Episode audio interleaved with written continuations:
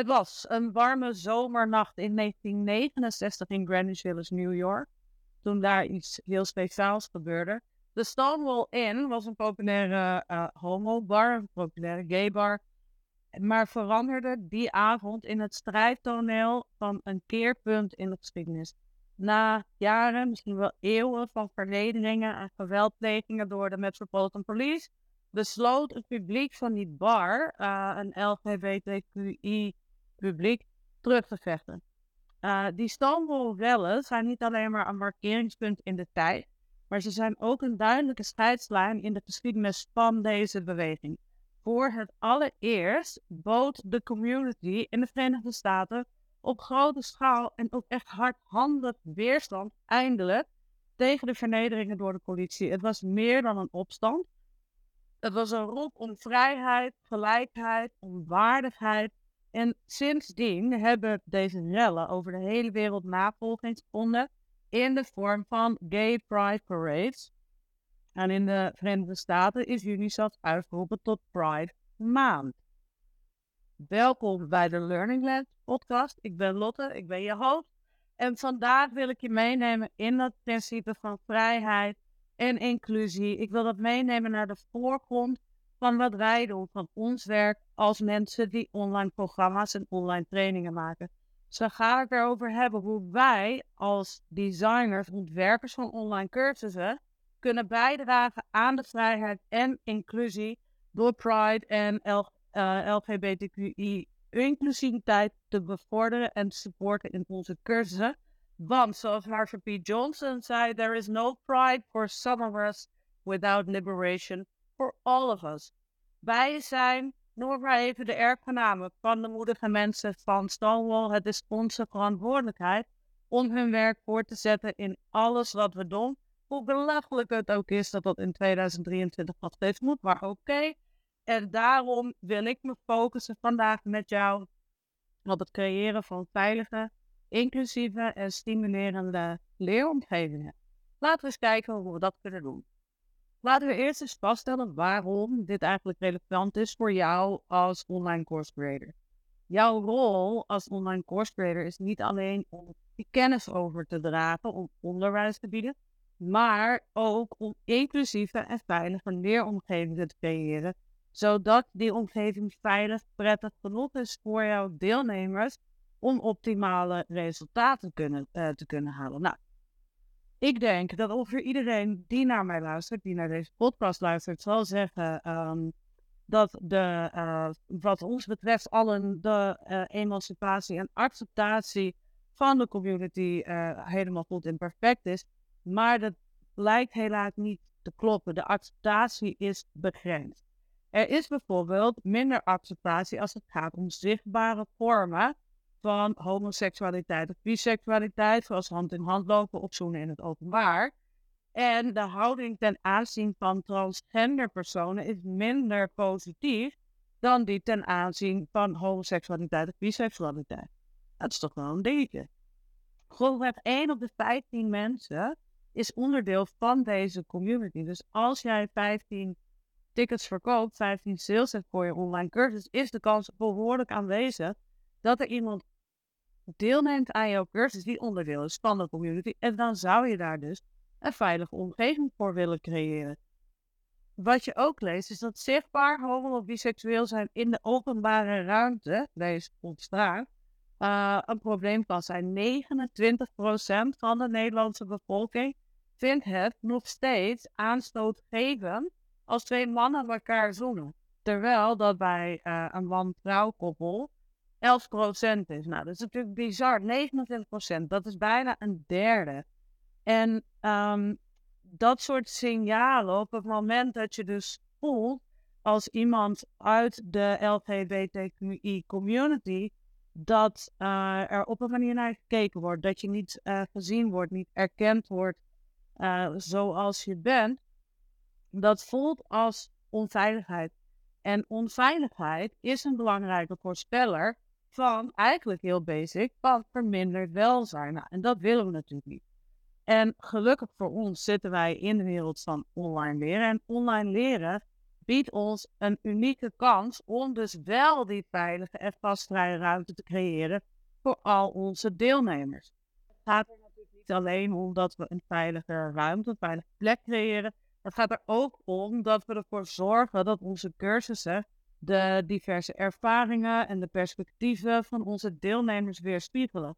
Dus dat kan betekenen dat je bronnen of materialen van een veel breder spectrum aan auteurs en makers opneemt. Of dat je specifieke onderwerpen, uh, specifieke discussies opneemt die relevant zijn voor die LGBTQI-gemeenschap. En laten we ook niet um, vergeten dat inclusief onderwijs, dat levert niet alleen maar voordelen op voor, nou even, gechargeerd die ene van je 15 deelnemers. Het creëert een wereldgeving die veel rijker, diverser en boeiender is voor al je studenten. Het is goed om je ervan bewust te zijn dat taal iets is dat uh, onze werkelijkheid creëert, of onze werkelijkheid vormt. En met passende woorden kun je mensen welkom heten, ze leergierig maken, of mensen afstoten en eigenlijk dus ervoor zorgen dat ze nooit meer bij je terugkomen. Dus het is belangrijk dat je bewust bent van je eigen taalgebruik en van de invloed die dat kan hebben op je huidige en je toekomstige klanten en deelnemers. Taalgebruik biedt juist je een kans om uh, je te onderscheiden eigenlijk en om jou neer te zetten als medestander, als ally. Dus dat is eigenlijk wat je, uh, wat je wil doen. Wij zijn ondernemers, wij denken in kansen, we denken in wat er allemaal kan. Er is natuurlijk sprake van urgentie, maar er zijn meer positieve redenen om je echt hiermee bezig te houden. Eén, toekomstbestendiger worden. We weten dat het leven gaat veranderen. Ik ben hartstikke millennial. Ik weet dat Gen Z er aankomt. Um, en, die, en zij gaan op een hele andere manier om met dingen als seksuele oriëntatie, als uh, gender, dan dat waar ik als millennial mee ben opgevoed. Als ik graag wil dat ook Gen Z bijvoorbeeld naar mij luistert, of de generatie die daarnaast nakomt, of de generatie van mijn eigen kinderen, dan is het alleen maar heel verstandig dat ik ook besluit om mee te gaan in dat taalgebruik, om dus toekomstbestendiger te worden. Om me daarmee te onderscheiden van de rest, om boven de competitie te komen staan eigenlijk. En ik wil ook graag dat je snapt dat dit zijn, dit zijn dingen die je zelfs ook in je branding uh, terug kan laten komen. Dus ja, hoe begin je daarmee? Nou stap 1 is dus uh, het besef en uh, de erkenning van het feit: oké, ik gebruik nu mijn taal op een bepaalde manier. Wat voor termen zitten daarin? Dus als we dan gaan kijken naar het gebruik van inclusieve taal, dan gaat het om meer dan alleen maar het vermijden van genderspecifieke termen. Dus uh, het gaat om meer dan het vermijden van man of vrouw. Het betekent ook dat we bewust zijn van de terminologie die we gebruiken als we het hebben over kwesties die leven in de community, over ervaringen die de LGBTQI-community heeft. Dus denk aan, hè, we hebben, ik zei net al, man of vrouw, kun je natuurlijk heel makkelijk genderneutraal maken hey jongens en meisjes, hoi vrienden, hoi mensen, is niet zo ingewikkeld. Maar denk ook eens na over iets, een term als seksuele voorkeur. Want seksuele voorkeur suggereert dat het een keuze is. Dus gebruik liever de term seksuele oriëntatie. Als je uh, bronnen of inhoud deelt over transgender personen, gebruik de juiste voornaamwoorden. Probeer ook voor jezelf, dit is echt super makkelijk. Je kan je eigen voornaamwoorden instellen in, um, op Instagram, op LinkedIn, maar ook in Zoom bijvoorbeeld. Wat je kan doen is natuurlijk ook je deelnemers vragen om hun voornaamwoorden te delen. Mind you, je mag ernaar vragen, wil je je pronouns, je voornaam met me delen? Het is niet verplicht. Als mensen dit niet willen of zich daar niet oké bij voelen, is dat ook helemaal prima. Maar als jij laat zien dat jij ze openlijk deelt, dan is, het, is de drempel voor andere mensen lager om eigenlijk om het ook te doen. Dus weet je, lead by example, dat idee. Het zijn echt dit soort kleine veranderingen die samen een grote impact kunnen hebben op de ervaring die jouw deelnemer heeft in jouw online programma. Het is ook belangrijk dat je even goed kijkt naar ehm, je taalgebruik, maar dus ook de uh, bronnen, het materiaal wat je gebruikt en de uh, voorbeelden die je gebruikt. Het is een super belangrijke strategie en eigenlijk iets waarmee je ook maar vrij snel winst kan boeken. Een van mijn favoriete, of nou ja, minst favoriete eigenlijk, voorbeelden hierin is, ik werk een keer samen met iemand um, die een online cursus ontwikkelde.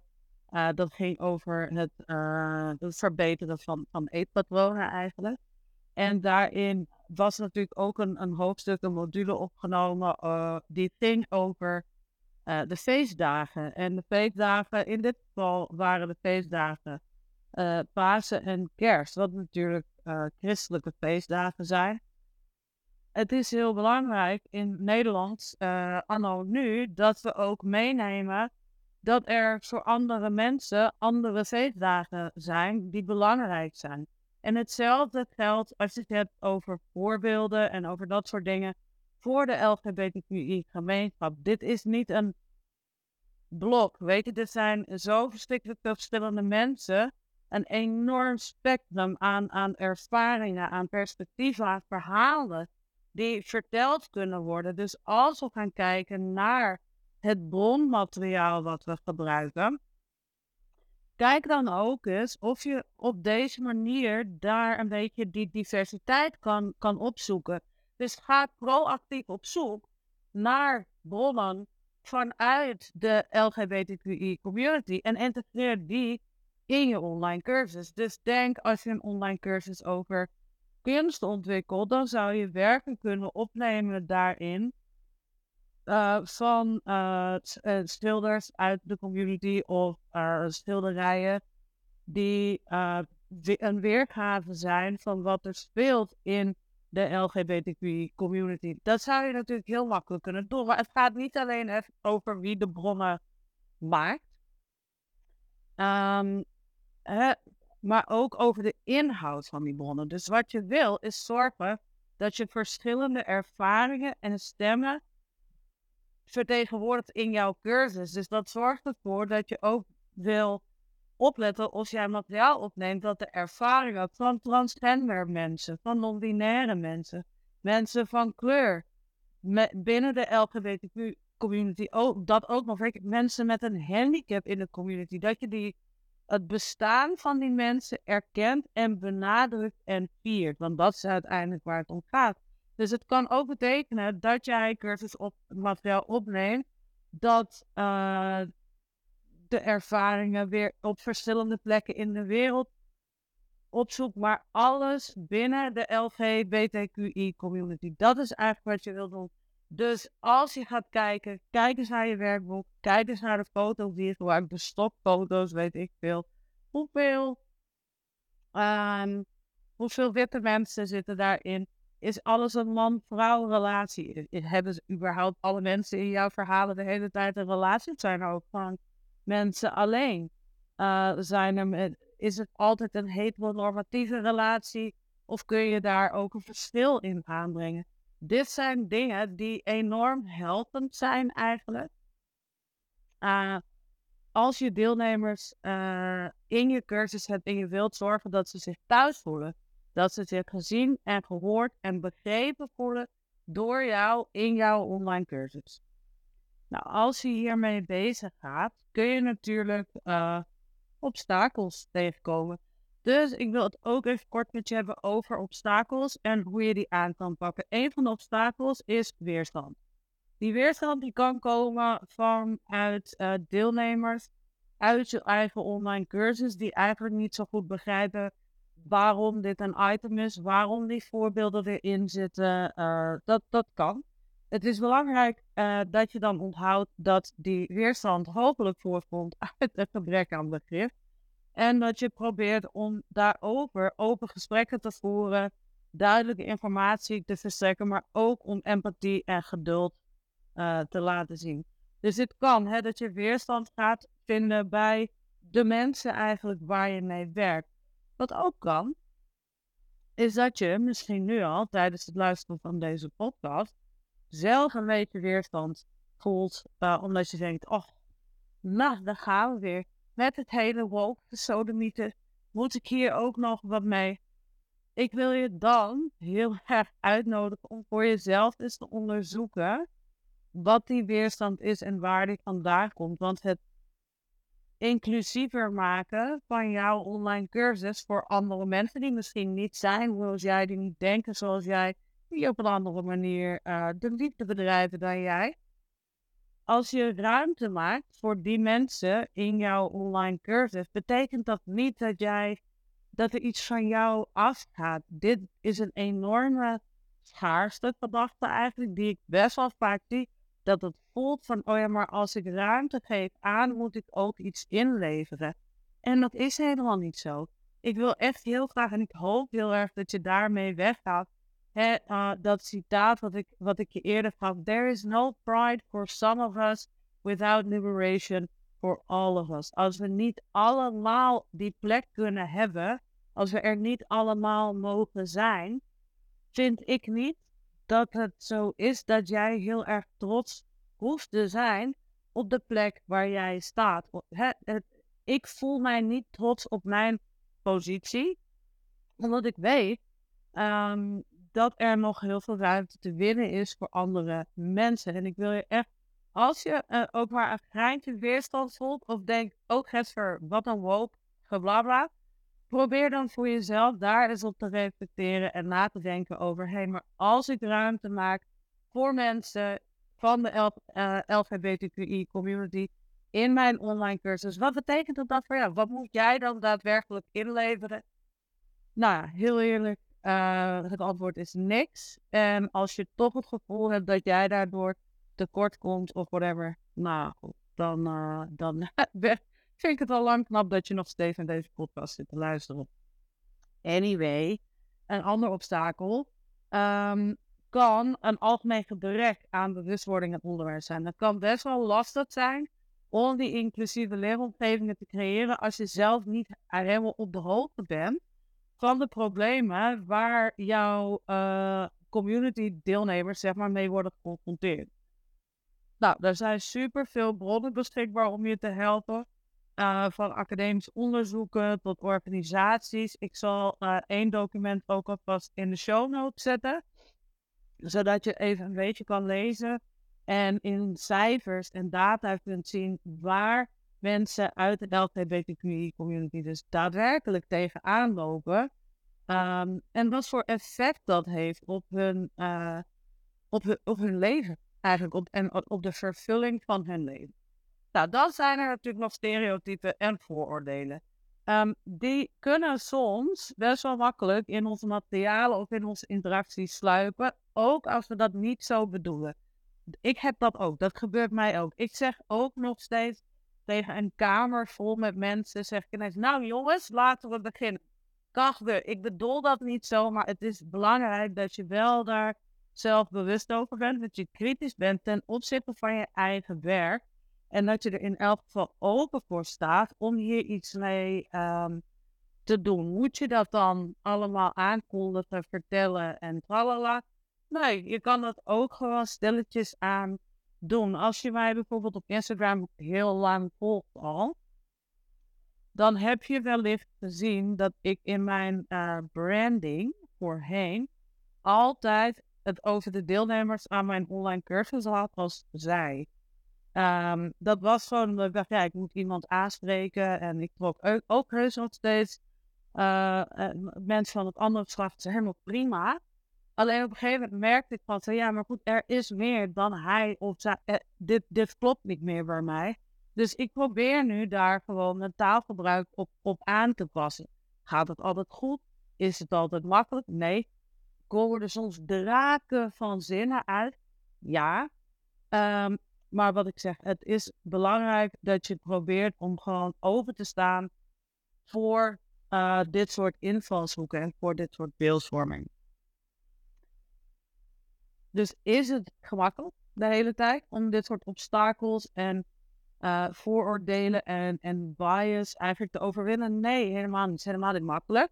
Maar het is wel absoluut de moeite waard. Want door je in te zetten voor inclusiviteit, kun jij een enorme impact hebben op de ervaring die dus jouw deelnemer heeft in je online programma. En daarmee lever je een bijdrage aan ehm, het leven van je deelnemers eigenlijk. Je zorgt ervoor dat je een bijdrage levert aan een meer gelijkwaardige, accepterende wereld, maar echt ook op hele kleine schaal. Uh, als jouw deelnemer zich gezien, gehoord, begrepen voelt in jouw online programma, als jouw deelnemer zich aangesproken voelt op een niveau dat, dat dieper gaat uh, dan, dan de basics, dan raak je iemand tot in, uh, tot in de kern. En dat is voor jou heel fijn, maar dat is voor die ander nog veel fijner.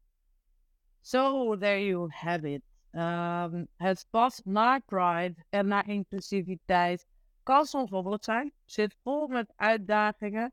Maar als online course creator heb jij een unieke kans eigenlijk. En ik vind ook een verantwoordelijkheid om ook op dit niveau impact te maken. Om je stem te laten horen. Dus door je in te zetten voor Pride, voor LGBTQI inclusie, kunnen we samen gewoon bijdragen aan een accepterende, begripvolle wereld waar gewoon plek is voor iedereen. En dat is, wat mij betreft, zonder twijfel, iets dat de moeite waard is om voor te vechten.